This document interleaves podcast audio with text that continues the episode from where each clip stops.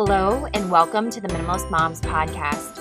I'm Diane. I'm a mother of three living in Columbus, Ohio. I'm trying to make room in my life for what matters by getting rid of the clutter and living life with purpose. I hope you'll join me on the journey to think more and do with less. This week, I bring you my conversation with Brittney Smart, mother of five and author of The Five Minute Time In Brittney is here today to discuss how she found that the simple act of spending five targeted minutes with each of her five children right before bedtime has transformed her outlook and abilities as a mom. Does small dose intentionality really work? Join me as we weigh the pros and cons of quality versus quantity parenting and how you can add daily intentionality into your parenting. But before we get to the interview, would you say that you benefit from listening to the Minimalist Moms podcast? If so, it helps enormously to share it with your friends and be sure to subscribe and leave a rating and review and comments on Apple Podcast. I so appreciate you listening. And now for my interview with Brittney. Brittney, welcome to the Minimalist Moms podcast. Thank you so much for joining me today. Thank you. I'm looking forward to talking today about your book, The Five Minute Time In, and how we can be more intentional with our time in motherhood. But before we get to that, can you just tell listeners a little bit more about yourself and maybe where you live, how many kids you have, just what it is that you do? Okay. Well, I have five children. Now they are age four to 15, and I grew up in Washington State. I now live in northern Utah. We love living here. Um, I've been married for 18 years with my husband, Paul, and I have a bachelor's in professional and technical writing. So I actually I I'm a full-time mom, but I also do freelance writing and editing and have done that for oh for a lot of years. That's pretty much me. I I feel very blessed. I have a, a happy life. So Great. And I know that you are obviously very intentional about your motherhood. That is why you wrote this book, but I am curious if you are as I guess, equally intentional when it comes to paring down, decluttering. Would you consider yourself a minimalist? For me, the word, the title, minimalist, just comes so loaded that I don't see myself as a minimalist. Years ago, I would like accept anything and everything that was given to me. I would go for like what was the best deal whether or not it was something that I wanted or needed. Now, over the past four or five years, I've really become much more intentional about what I have in my home and in my life. I still have lots of things, but those things are required to serve a distinct purpose in my life or in my home in order for them to stick around. So I I would not say I'm a minimalist, but I I do take care now in in the things that I have around here. Yeah, I really like the idea of being an intentionalist and it actually reminds me of the book Essentialism, just trying to decipher what it is that is essential for you and it sounds like that's kind of what you're saying. You're very intentional about what's coming in, how you're filling your space, your life, the things that bring you joy. Yeah, I love that. Well, and the thing that brings me joy, especially, is it's trickling down into my children. Like they'll bring me stuff home from school and show me, and I will ooh and ah over it, and we'll talk about it and stuff. And then I will ask them, like, okay, now what do you want to do with this? And they'll kind of look at it for a minute and they're like, well, keep it, of course. You know, this is special to you. And I'm like, oh, I, I love what you're showing me here. So if you want to keep it, let's put it in your special space. Or think about was the creation of this artwork or writing piece or whatever, is that what made this so cool, mm. you know, for you? And many times they will realize, like, yeah, actually that was really fun, but I don't need it anymore. Mm-hmm. And I love that that that you know this outlook can can trickle down even into younger children who can you know start to distinguish between was it the process or the or the the product mm-hmm. that that's important Absolutely. I do similar things with Charlotte, and a lot of the time I'll end up just taking a photo of whatever the craft or the artwork piece is, and I end up compiling all those photos into our family Shutterfly album every year. And then that way we have a reminder of the item, but not just a big pile of paperwork that we'll probably never go through. And honestly, I think that you probably are more likely to go through a Shutterfly book or some type of scrapbook as opposed to an entire pile of papers. So we do try and keep the really special drawings in her personal childhood box, but otherwise we just keep those things I'd say pretty limited as well. Yeah, for the very special things that they determine, like if it is important to them, we have an art wall where you know there's clips on the on the wire, and they'll hang those, and we have plenty on our art wall as well. Yeah, I I agree. I. I love keeping the things that actually are meaningful. Today's episode is sponsored by Osea Malibu, the original plant based, results driven skincare line. As I'm now into my 30s, I figured it was time I start prioritizing my skincare. I have been looking for products that nourish my skin, are non toxic, cruelty free, that do not break the bank. I was thrilled to partner with Osea Malibu because each product is pure, safe, and effective. Their skin nourishing products are made entirely of plant derived ingredients and are even a good choice for moms to be. Their sustainably sourced organic Patagonian seaweed and active botanical products easily absorb into the skin and effectively bring out balance while targeting signs of aging and skin imperfections. Living in Ohio, I really need a great moisturizer in these dry winter months. I can confidently say that Osea has helped me to hydrate my skin and has also minimized the appearance of redness and irritation. So if you're interested in trying out the products for yourself, head over to oseamalibu.com slash minimalistmoms. That's O-S-E-A malibu.com slash minimalistmoms for a $10 off your first purchase of $50 or more. Free shipping for U.S. orders of $75 or more and free samples with every order.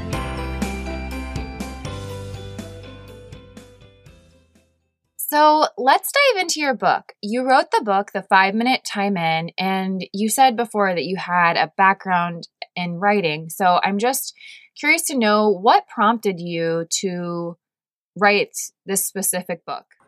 Well, that kind of goes along with the details of the book, and I'll, I'll be brief. About four or five years ago, I was I was really struggling as a mom and just at a low, low point. I was apathetic kind of toward my kids. I was not I couldn't be joyful in in motherhood. And I know that not every day is like, you know, roses and sunshine, but at this point I, I really was fully disengaged from them. I, I wanted to be anywhere but here, basically, with regard to my children. And I had an experience where I realized this can't continue. I have five kids and they are they are suffering because of my apathy, my disengagement. And so I decided um, that I needed to learn to like them again so that I could continue to to be the mom that they deserve to have. And so in order to like them, I figured I I would need to spend time with them and I I was overwhelmed with life. I had a new baby, my you know my my fifth child, and I didn't know how I could go about doing that, spending a, t- a lot of time with each of my children to restore some sort of relationship. And I decided, you know, I I will start where I can. And where I could start was to commit to spending five minutes um, with each individual child right before bedtime. And I did that every day for four weeks. And when I started, I journaled each kind of conversation, each interaction during those time ins. And just kind of for myself, I've been a journaler um, my whole life. And so that wasn't anything terribly odd. But that at the end of four weeks, when I saw and I felt and I um, had experienced such a transformation just because of these small doses of intentional time, I realized, you know, maybe this can be useful to someone else if anyone else is going through something like that, if anyone else is looking to to strengthen their relationship or or come out of a slump of you know of of motherhood. So anyway, so I, I, I had the journal and takeaways and thoughts from each day, but I didn't actually complete and publish the book until four years later hmm. because I just I it was such a a vulnerable time for me and I I wasn't ready to open myself up to show the world that hey, I, I really struggled for a while and here's how and here's why. and here's how I came out of it. I wasn't ready to put on display my low point mm-hmm. um, until four years later. And then I realized um, this really maybe could help others. Absolutely. I think that when we're vulnerable, it's just such a great way to make more connections with others. And I've definitely seen that happen in my own life. But um, just real quick, how old were your kids at the time when you started to feel that disengagement or to feel and experience that lack of joy? It was a gradual thing for me, but but the book chronicles a time when I had my baby was three months old. Okay. Um, but my disengagement had started before that, back probably in my pregnancy of my fifth um, child. So it had been probably, I don't know, six to eight months of struggling, you know, with this. So, sorry, um, three months old up until till um, 11 years old was my son. He's my oldest. Okay. So that was the range. A, a lot of young kids, you know. I feel like I've been talking to a lot of mothers recently, and they've said something along the same lines that you were saying, just that I thought this was supposed to be the season that I was really supposed to be enjoying, but I found the difficulty kind of squashing my joy. So I'm not sure if that's because of behavioral problems or if it's just burnout, but I love the idea of quality over quantity time. So I guess what is your opinion when it comes to this topic? Do you think that quality over quantity matters or does quantity matter more than quality? What are your thoughts on this? This is a hard question for me to answer actually. I mean, obviously quality over quantity, but I feel like you need you need quantity as well. I was at a point where I wasn't doing either one. So obviously you need one of those at least. But because time is so finite and we as moms, we really are pulled in so many different directions. And I think it's recognizing where our priorities and where our what our long-term goals are. When we can pinpoint those things, then we can spend the quality time going toward those goals, if that makes sense. Like for me, I didn't have all day where I could play necessarily with my children and and really bring that about. But I feel like because five minutes, it sounds like nothing, but when it's fully like one on one, absolutely focused on just that child at a time, I I wouldn't have it any other way. And it, it was so great. In fact, after my kids got over the shock of my spending time with them each night, it was probably a weekend, they would begin to like save up stories or experiences through the day and they would save those up to tell me during our special time in mm-hmm. and um, just because they recognized that they could feel that it was a magical connection time mm-hmm. and so long answer kind of rambling answer i would definitely say quality over quantity but also quantity is important too. Like if I didn't do five minutes every single day, then the quality would suffer as mm-hmm. well. Does that make sense? They're kind of intertwined a little bit.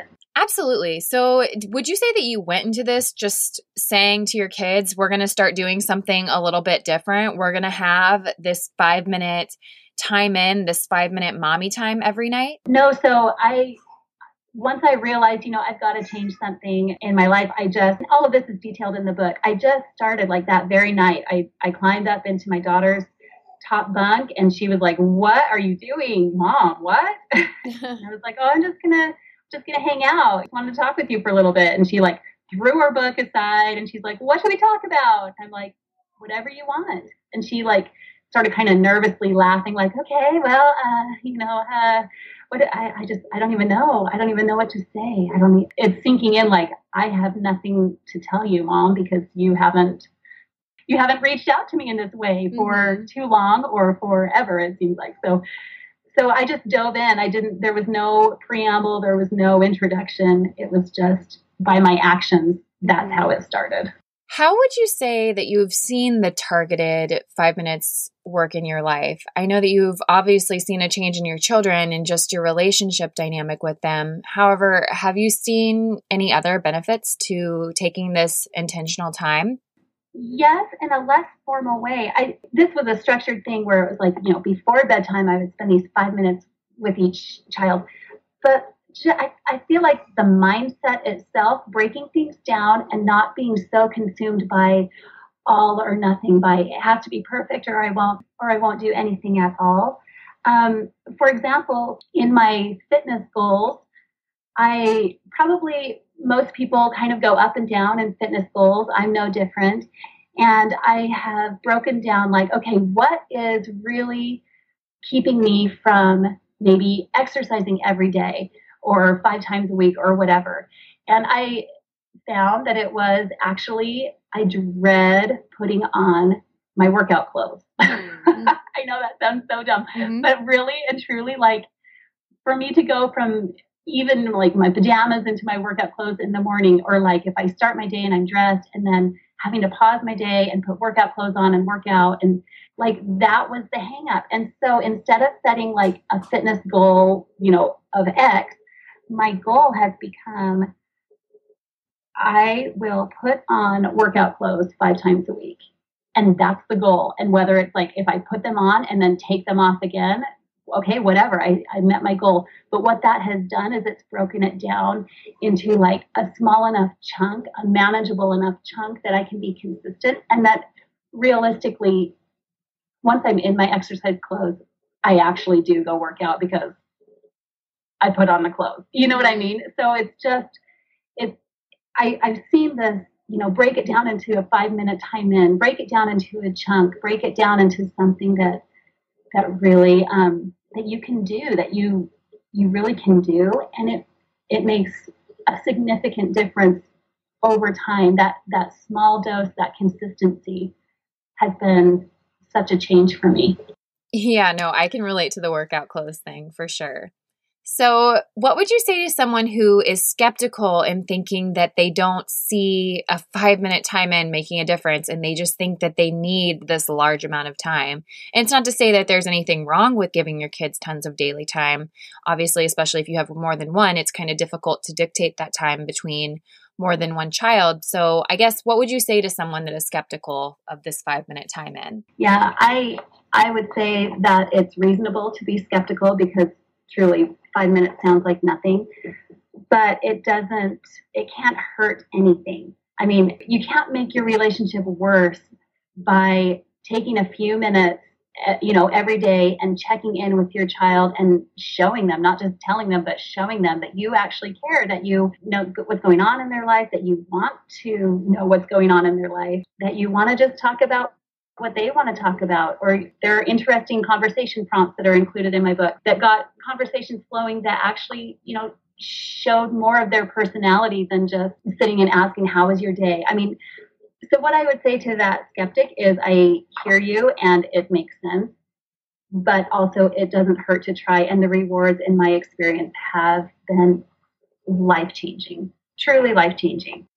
Well, I just really appreciate you being vulnerable and sharing your story here with the listeners of the Minimalist Mom podcast. So I do appreciate that. But if um if listeners want to connect with you or find a copy of your book, where would you say that they can connect more with you? Yeah, so my book is on Amazon. If you just search the 5 minute time in and it's helpful to include my name in the search also Brittney Smart. Also, I am I have a very lame website. I am not technologically advanced, but it's brittnysmart.me and via my email, I guess. I'm on social media, but not a ton. So those are the main main places. Wonderful. Well, as we wrap things up here, I'm going to ask you the two questions that I ask every guest. And the first one is what is something that you're simplifying right now? AKA, what is your minimalist moment of the week?